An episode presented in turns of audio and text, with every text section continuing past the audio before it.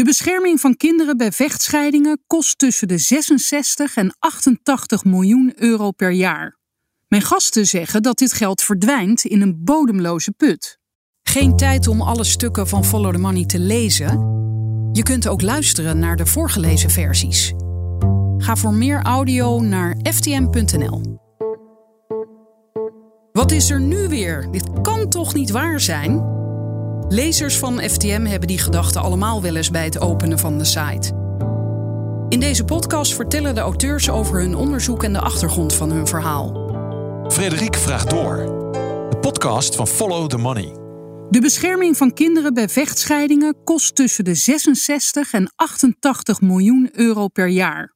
Mijn gasten zeggen dat dit geld verdwijnt in een bodemloze put. Klaas Den Tek en Margot Smolenaars, welkom in de podcast. Dank je. Dank je.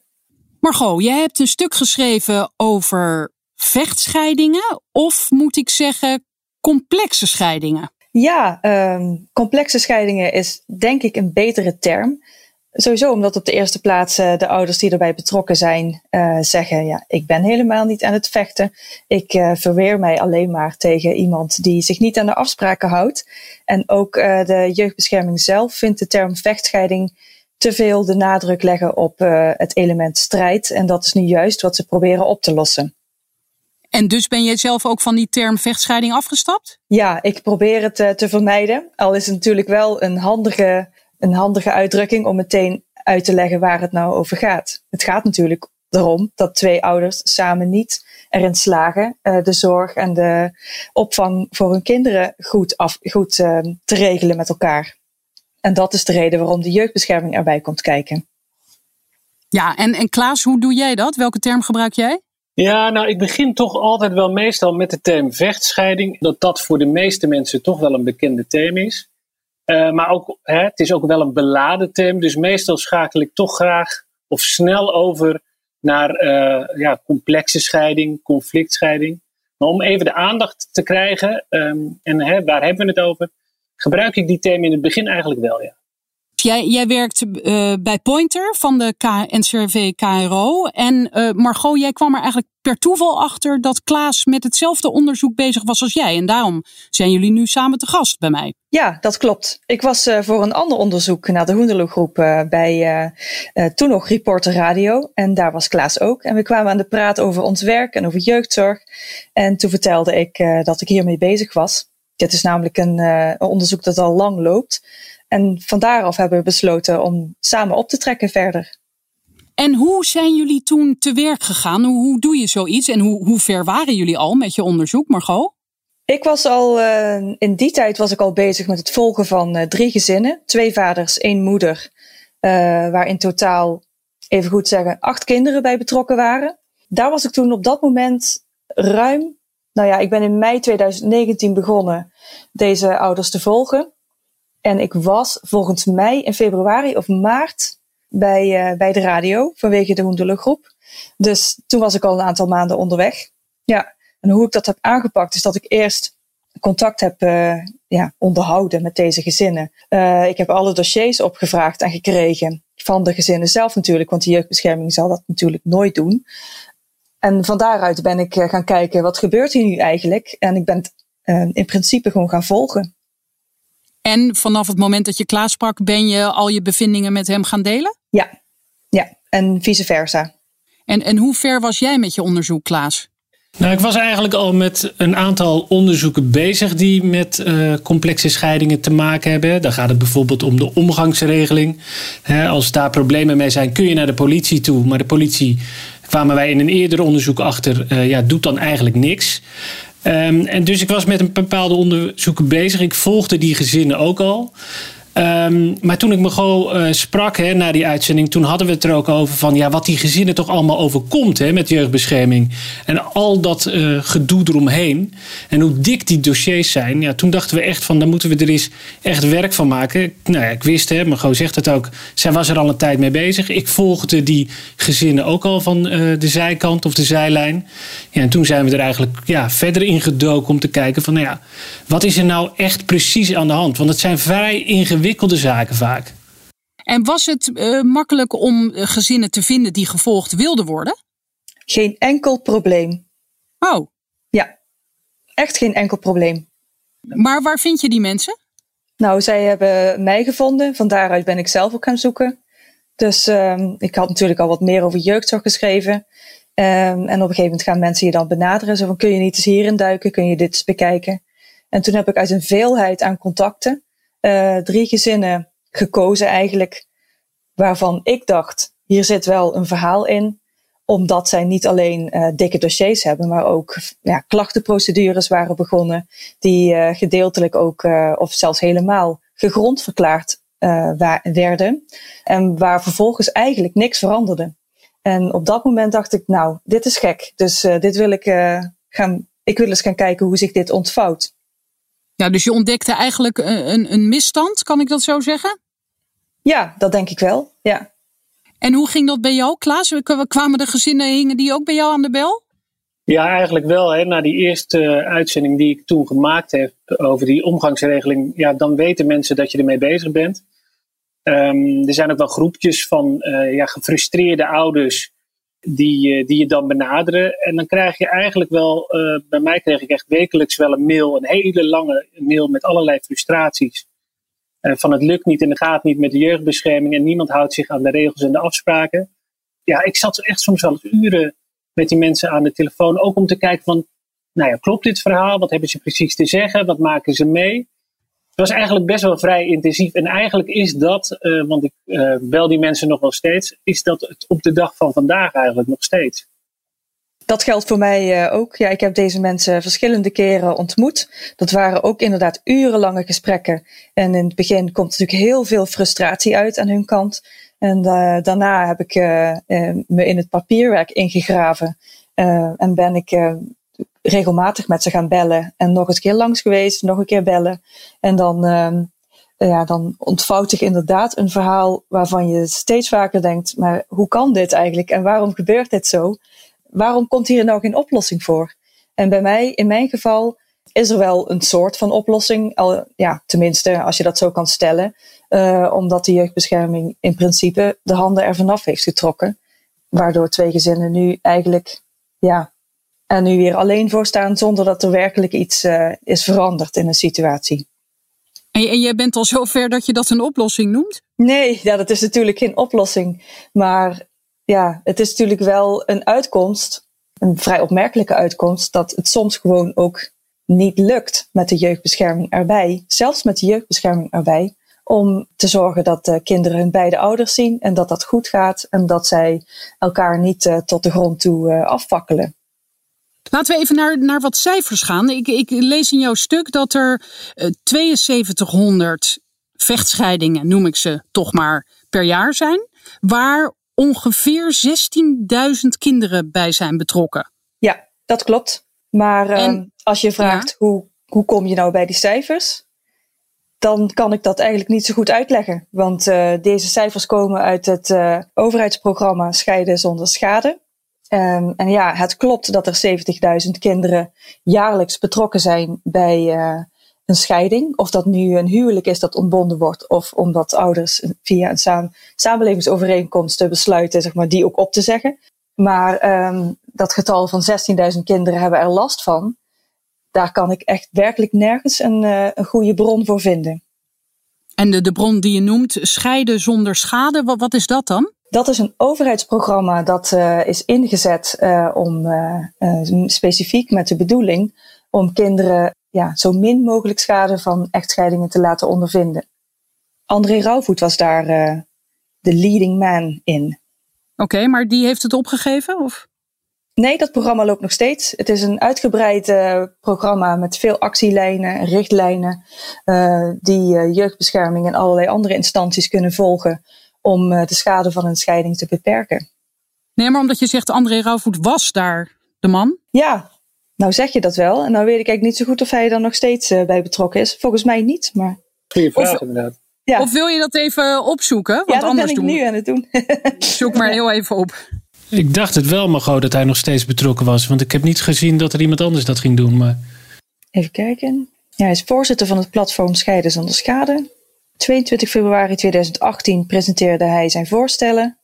En op 7 april 2020 werd hij lid van de Raad van Commissarissen van een zorgconcern. Doet hij er niet naast, trouwens? Nou, dat weet ik niet. Nee, ik zit nu op de Rijksoverheid. Even kijken. Nee, ik kan Ja, het nu niet zo horen we snel dus vinden. de onderzoeksjournalist eh, aan het werk, hè? ja. Ik kan niet vinden dat hij er nu nog zit. In 2018 was hij er. Ik weet het niet zeker. Oké. Is het eigenlijk belangrijk dat hij daar zit? Nee, niet per se. Nee. Maar zij gebruiken kennelijk cijfers waar jij, die jij niet helemaal eh, vertrouwt? Ehm, zij gebruiken cijfers waarvan ik niet de bron kan vinden. De, die 16.000 kinderen, ik weet niet waar dat vandaan komt. Maar als je gaat kijken naar eh, het, het, het aantal onder toezichtstellingen, eh, dan ligt dat aanmerkelijk lager dan, dan dat getal van 16.000 dat zij noemen. Ja, dat lijkt me best lastig voor iemand die voor Follow the Money werkt. Dat, dat de cijfers eh, moeilijk te achterhalen zijn. Want het draait Ja. allemaal om cijfers juist. Ja, dat klopt. Maar ehm, dat was ook een van de, ja, een van de startpunten van ons eh, onderzoek. Was om te kijken hoe hard we die cijfers nou eigenlijk konden krijgen. En dat is best wel lastig gebleken dus. Er zijn allemaal eh, mitsen en maren op aan te merken op de cijfers die er zijn. Maar uiteindelijk zijn we zelf maar gaan vragen aan de jeugdbescherming hoe het zit. Maar ook daar, ze houden niet bij eh, op welke grond een OTS wordt uitgesproken. In ieder geval niet of het eh, om een complexe scheiding gaat, eh, een- primair. Maar je komt allemaal op schattingen uit. Dat is helaas hoe het is. Ja, en die OTS is, die, is zo'n ondertoezichtstelling. Dat klopt. Alleen de rechter kan een kind onder toezicht stellen. En dat doen ze nadat de Raad voor de Kinderbescherming onderzoek heeft gedaan. En zodra de rechter een ondertoezichtstelling uitspreekt, komt de jeugdbescherming om de hoek kijken. Die moet zorgen dat, eh, ja, dat er de, juiste maatregelen en de juiste hulpverlening ingezet wordt om eh, kind en ouders eh, te helpen. Ja, want inderdaad, eh, Klaas, ik vroeg me af bij het lezen van hoe, hoe kom je nou eigenlijk zover dat je kinderen onder toezicht worden gesteld? Hoe, gebeurt dat? Maar dat gaat kennelijk via de rechter. Alle- Alleen via de rechter kan dat. Ja, dat gaat via de rechter. En eigenlijk is daar natuurlijk een hele voorfase gaat daaraan af, eh, vooraf. Hè. Het zijn ouders die met elkaar in conflict komen. Ehm, nou, het kan zijn dat een moeder, dat kan ook een vader zijn, de kinderen bij de andere ouder weghoudt. Eh, die maakt een melding bij politie. Soms is er ook wel wat meer aan de hand. Hè. Eh, dan maakt de school zich zorgen over de kinderen. Nou, en door die meldingen en door dat conflict, hè, en doordat die afspraken niet worden nageleefd. Vaak eh, nemen ouders dan natuurlijk ook een advocaat in de hand. Komt het bij de rechter terecht? Nou, de rechter kijkt ernaar. Laat onderzoek vaak doen. Hè. De Raad van de Kinderbescherming doet bijvoorbeeld onderzoek van, naar ja, hoe het gaat. Hè, hoe het ook met de, de kinderen gaat in dat gezin. En dan uiteindelijk eh, besluit de rechter... ehm, ja, dit is niet een goede situatie. Die conflictscheiding heeft zoveel effect... kan die hebben ook op de gezondheid van die kinderen. Ja, dan komt er dus een OTS, zo'n ondertoezichtstelling. En dan wordt er een gezinsvoogd ehm, ja, van eh, jeugdbescherming wordt eraan toegevoegd... om te kijken of ze er met die ouders uit kunnen komen. En Margot, hoe gaat dat dan verder als het eenmaal zover is dat een gezin in beeld is? De jeugdbeschermer eh, zou, als het goed is, contact moeten opnemen met eh, ouders en kinderen. Op basis daarvan eh, komt er een gezinsplan. Daarop kunnen de ouders eh, allebei een reactie achterlaten. In dat gezinsplan wordt het probleem eh, vastgelegd. Wat is nu precies het probleem en wat er moet gebeuren om dat eh, op te lossen en binnen welke termijn. Maar hebben wij ontdekt, die gezinsplannen, die zitten vaak, ja, die zitten vaak vol fouten. Ehm, aannames, beweringen van moeder richting vader, van vader richting moeder, zonder dat die, dat nou goed wordt uitgezocht wat er precies van klopt. Eh, we hebben dat uiteraard natuurlijk ook aan de jeugdbescherming gevraagd. Van hoe kan dat? Is het niet veel makkelijker om alleen de feiten op te schrijven? Ehm, en dan zeggen zij, wij geven eigenlijk alleen maar weer de versie van vader, de versie van moeder van het verhaal en de kant van de kinderen. En dat is eh, hoe wij het eh, vastleggen. Maar het is vaak een bron van nog meer conflict. Maar als, toen, jullie, toen jij bijvoorbeeld vroeg aan hen hoe kan dat, erkennen zij daarmee dat het inderdaad niet heel goed loopt? Ergens wel, maar ergens zeggen ze ook van, nou ja, wij zijn niet eh, de bron van het probleem, dat zijn de ouders. De ouders die zijn in conflict met elkaar en zij komen er niet uit. Dus eh, wij, onze taak is om te bekijken hoe we dat in beweging kunnen krijgen, maar de ouders moeten bewegen, niet wij. Ja, dus het lastige in deze zaak is ook hè, dat jeugdbescherming kijkt wel naar de kinderen natuurlijk. Daar kunnen ze ook iets mee. Hè? Daar kunnen ze hulptrajecten voor verzinnen. Um, maar bij de ouders kan dat niet. Hè? Je kunt ouders niet dwingen van... hé, hey, er zit misschien bij u een probleem. Misschien moet u wel eens naar een psycholoog of naar een psychiater. En moet u eigenlijk meer ook kijken naar uw eigen handelen. Ze kunnen ouders dus heel moeilijk dwingen. Ja, en uh, nou ja, als dat allemaal op vrijwillige basis moet... ja, dan hebben die ouders daar ook niet altijd zin in. En die wijzen dan weer naar elkaar. Ja, en zo blijft dat conflict eigenlijk gaande. Ja, wat kan jij daar een voorbeeld van noemen van een van de gezinnen die jij volgde? Wat, is daar, wat heeft daar zo al plaatsgevonden? Wat je dus eigenlijk ziet uh, vaak bij de omgangsregelingen, als uh, moeder de kinderen naar vader moet brengen of vader moet de kinderen naar moeder brengen, daar gaat het vaak al mis. Dan is er gedoe over bijvoorbeeld uh, het tijdstip. Hè. Hadden we dat wel zo afgesproken? Of vader komt te laat omdat hij ja, problemen heeft en niet op tijd er kan zijn. Ja, dan ontstaat al dat conflict. Vooral die afspraken dan van hé, hey, Wanneer zie ik mijn kinderen of mag ik ze zien? Dat is vaak al wel een bron van conflict. En opvallend is, vond ik tenminste, dat bij elke vakantie die, die er is, hè, elke vakantie die begint, zie je die problemen direct al terug. Dus er is een vakantie en dan komen ouders er gewoon niet uit over wat er nou precies is afgesproken. Ja, dat kan ik beamen, want uh, in, uh, in, in mijn gezinnen, mijn als ik dat zo mag zeggen, daar um, is de, de omgang ook echt altijd dus uh, een probleem. Uh, een van de ouders, uh, een van de vaders die ik gevolgd heb, die, um, die mocht bijvoorbeeld op woensdagmiddag zijn kinderen zien. Nou, op het moment van brengen is er ruzie. Op het moment van halen ontstaat er ellende. moeder gaat de jeugdbeschermer e-mailen met wat er allemaal mis is met vader. Vader e-mailt de jeugdbeschermer om dat te weerleggen. Uh, en zo gaat het maar door. En op een gegeven moment dan, dan hakt de jeugdbeschermer een knoop door. En dan mag deze vader zijn kinderen gewoon helemaal niet meer zien. Nou, dat leidt weer tot uh, een, een, klacht. En dat leidt natuurlijk weer tot uh, een nieuwe gang naar de rechter. daar wordt weer de omgangsregeling bekrachtigd. Want laten we niet vergeten, de rechter heeft beslist dat hij recht heeft om zijn kinderen te zien iedere woensdagmiddag. En dat gebeurt dan uh, steeds minder vaak. Nou ja, en zeker als uh, zo'n jeugdbeschermer dan zegt, maar dan mag je gewoon even helemaal niet meer je kinderen zien. Dan kan ik me goed voorstellen dat zo'n vader zegt, ja, maar wacht eens even. Dit is niet alleen maar mijn schuld. Uh, doe er wat aan. Dus ja, zo gaat het maar door. Maar dat lijkt me ook heel lastig, omdat de rechter heeft dat bepaald. Maar toen was de situatie kennelijk zodanig dat die woensdagmiddag oké was. Maar de het gedrag van mensen kan natuurlijk ook weer veranderen. Ja, maar het punt is, als je afwijkt van een afspraak, uh, en dat gebeurt dan in dit geval. Ja, dat is in deze gezinnen natuurlijk al buitengewoon lastig. Hè? Die vertrouwen elkaar vaak al niet. Er is natuurlijk een hele voorgeschiedenis geweest. En als je dan gaat afwijken van afspraken die er zijn gemaakt, hè, die zijn bekrachtigd door een rechter. Ja, dan, dan kun je er gewoon van uitgaan dat het fout gaat.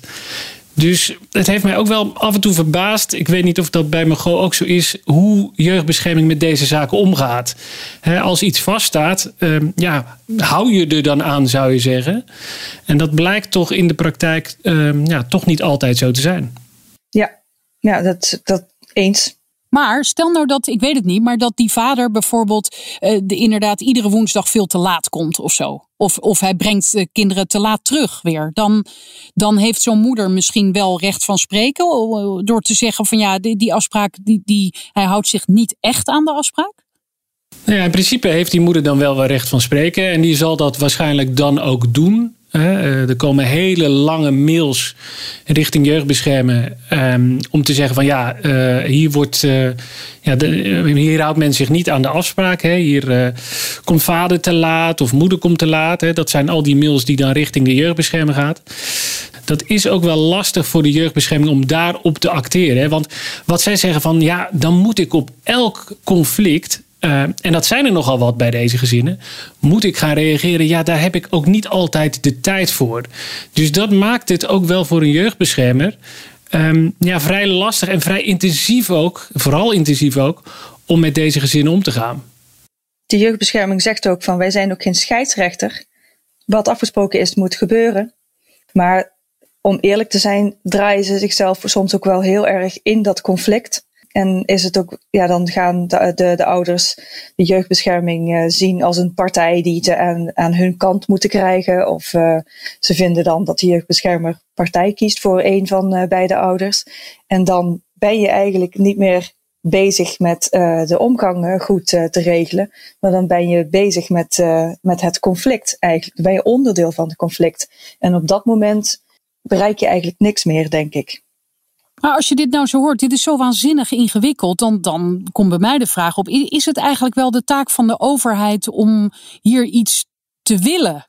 Hier iets ja, te willen oplossen? Ik, ik vond dat ook gek. Ik bedoel, um, de jeugdbescherming is betrokken, maar die zijn er voor de kinderen. Maar de bron van uh, de problemen van de kinderen, dat zijn de ouders.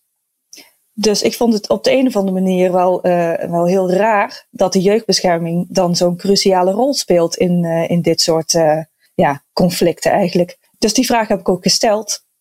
En Jeugdzorg Nederland antwoordt dan, ja goed, maar wij zijn eigenlijk altijd betrokken omdat de ouders niet in staat zijn goed voor hun kinderen te zorgen. Zo bekeken denk ik van ja, dat, dat, daar zit ook wel weer wat in. En toch is het, uh, is, het, is het probleem niet zozeer dat het kind een probleem heeft, maar uh, dat de ouders gewoon niet, niet goed met elkaar omgaan. Maar is dat ook aangetoond dat uh, sommige kinderen er helemaal geen problemen mee hebben? Dat, dat weet je ook niet, toch?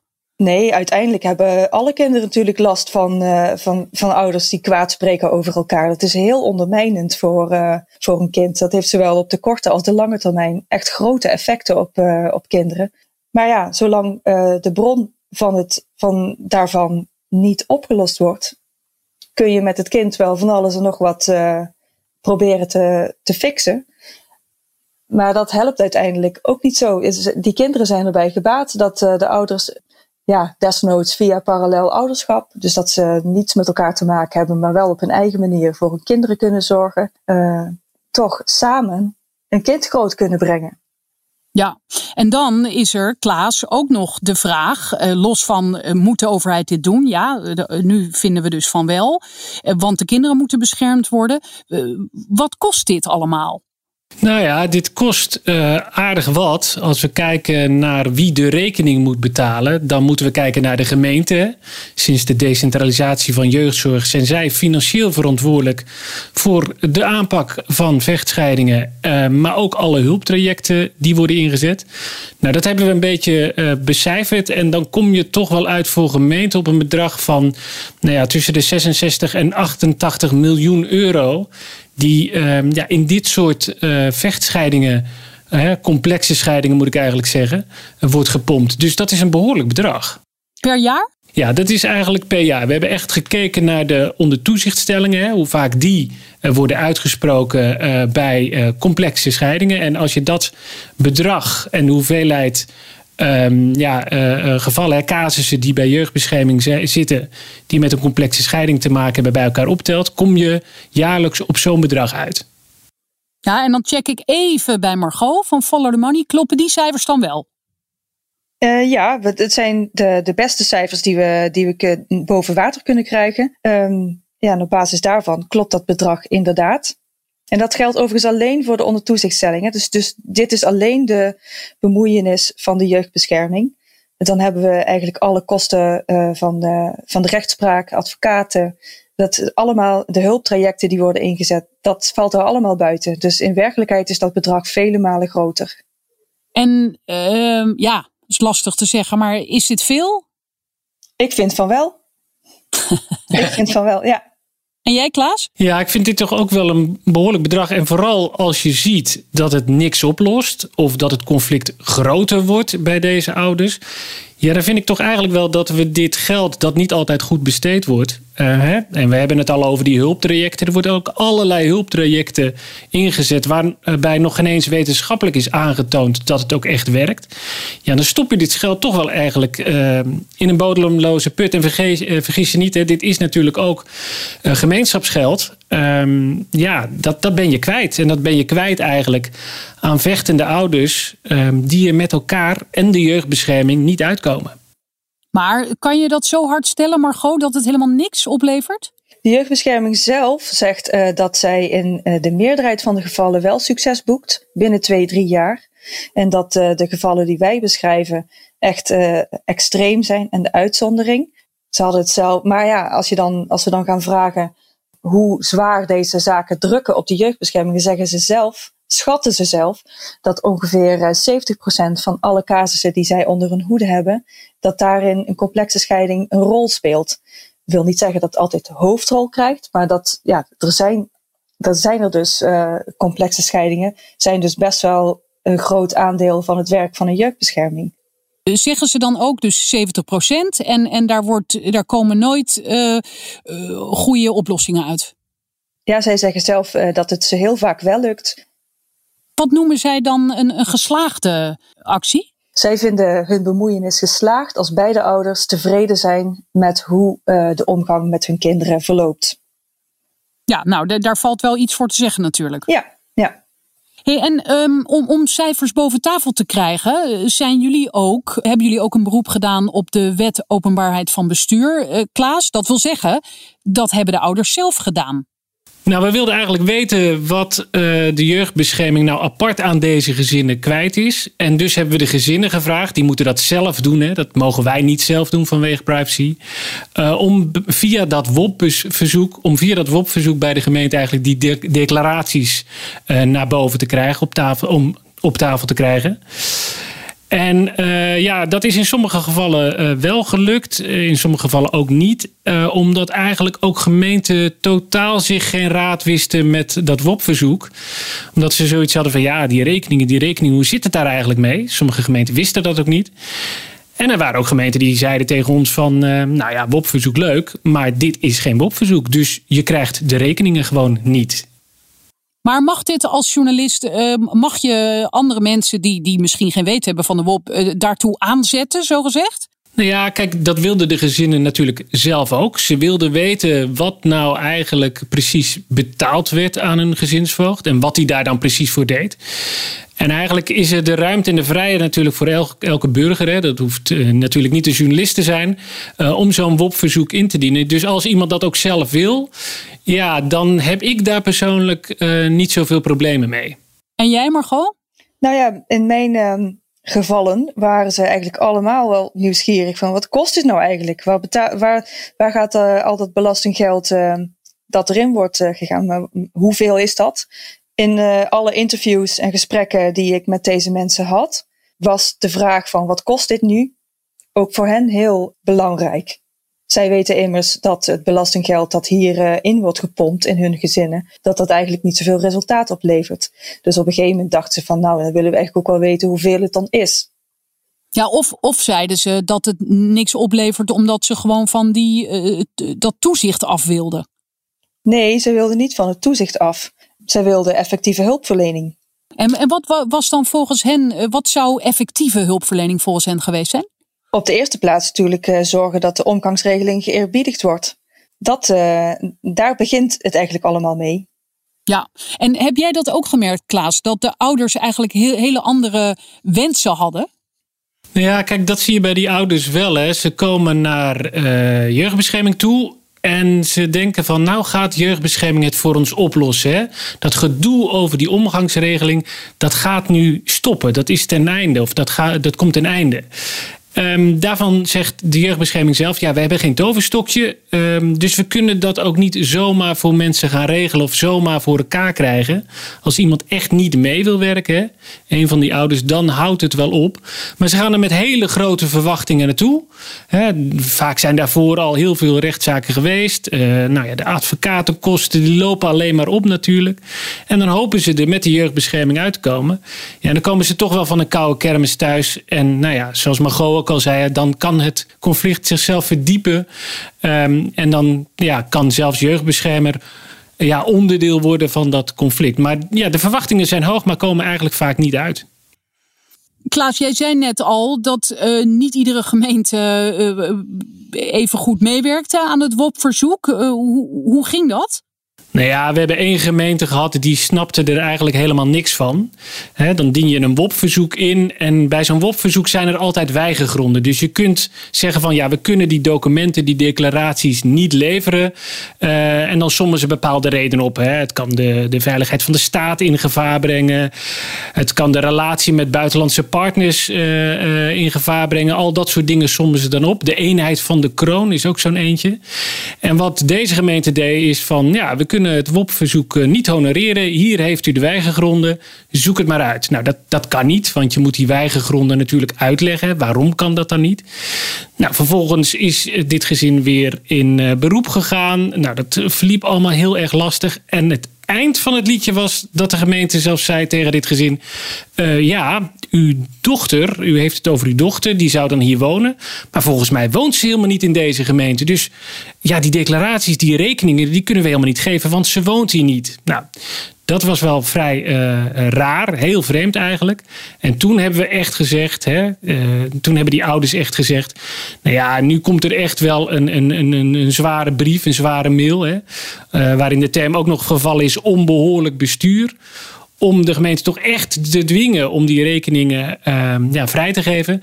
En toen was de gemeente er met de kippen bij. Toen was het binnen een aantal weken geregeld. Maar daarbij zie je dus hoe lastig gemeenten uh, het vinden om ook ja, in die financiën een kijkje te geven, een inkijkje te geven in hun eigen financiën.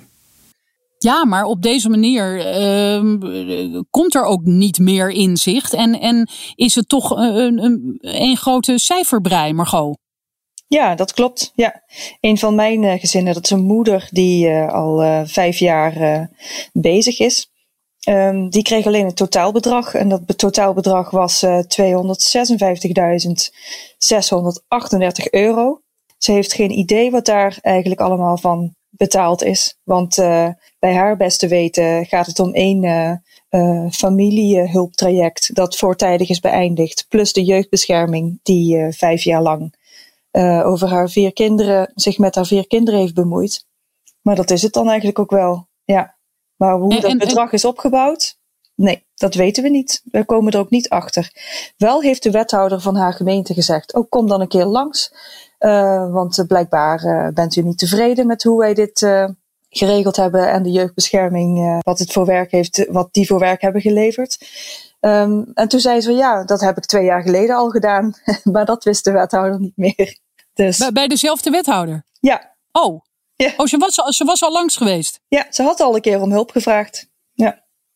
En, en hoe voelt dat voor zo iemand om te horen van ja, er is 2,5 ton uh, aan jouw gezin uitgegeven, terwijl zij zelf ook weet, nou, het, het is, de situatie is er niet echt beter op geworden. Nou, die is er zeker niet beter op geworden. Want een van, uh, ja, waar, waar eerst de jeugdbescherming vond dat zij niet voor haar kinderen kon zorgen, is er nu weer eentje bij haar thuis uh, komen wonen. En dat kind uh, heeft nu best wel veel problemen. Ze zegt, ik heb ze juist nu nodig, de jeugdbescherming. En juist nu zeggen ze, maar we kunnen niets meer doen, dus we laten het gezin los. Ja, dat voelt voor haar heel frustrerend en ze voelt zich compleet machteloos. Want, want dat is Klaas ook nog eens inderdaad zo, dat er een bepaalde termijn wordt gesteld hè, door jeugdzorg. Van we, we gaan een aantal jaar uh, proberen we iets te doen en op een gegeven moment laten we het los. Ja, ze hebben dan het idee dat ze er binnen een aantal jaren wel uitkomen. Hè. Het liefst natuurlijk binnen de termijn van de OTS. Onder toezichtstelling. Die OTS kan een half jaar of een jaar opgelegd worden. Nou, en uiteindelijk zie je dan toch dat dat toch niet lukt. Hè? Vaak is het ook niet helemaal duidelijk wat de jeugdbescherming nou precies gedaan heeft. Hè? Net als wat Margot zegt.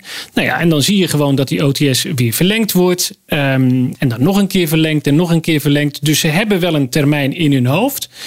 Uh, maar in de praktijk uh, blijkt toch wel dat deze ouders uh, ja, gewoon blijven zitten. En dat, dat hoor je ook vaak. Hè? Dat hoor je ook wel van wethouders die we gesproken hebben. Hè? Die moeten die rekening betalen. Ze worden in het systeem gezogen als het ware. En ze komen er gewoon niet meer uit over uh, erin gezogen worden. Uh, komen jullie hier zelf nog uit, Margot? Of uh, ben je er ook helemaal ingezogen? je bedoelt uit dit onderwerp of uit de jeugdzorg ja. in zijn ja? totaliteit? Nou, ik denk, dit is zo'n rijk onderzoeksveld dat ik hier nog wel een tijdje mee bezig ben. En jij, Klaas? Ja, ik denk dat ik er ook nog wel een tijdje eh, op doorga. Ik moet wel zeggen ehm, dat het hele intensieve. Um, het is een heel intensief onderzoek geweest. Hè? Je wordt er gewoon echt eigenlijk helemaal niet vrolijk van. Ik heb wel eens gezegd: elk verhaal van zo'n gezin is weer een boek waard. En dat is het ook wel als je al die verhalen hoort die voorbij komen. Al die dossiers die daar dan op zo'n tafel liggen. Dus ik ben er ook um, ja, nog niet klaar mee. Um, maar soms denk ik ook wel eens van... het wordt ook wel weer tijd voor een ander onderzoek eventjes. Oké, okay, dank jullie wel. Dank je wel. Dank je wel. Dat mag iets vrolijker, Margot. Margot. Jij ook bedankt. Jij ook bedankt, Frederik. De uitzending van Pointer is vanavond te horen om 7 uur op NPO Radio 1 en daarna bij uitzending gemist. Wil je op de hoogte blijven van deze podcast? Ga naar ftm.nl/slash Frederiek en volg mij. Dan hoor je wanneer de volgende aflevering online staat. Trouwens, deze podcast kan je ook beluisteren in de app van Follow the Money.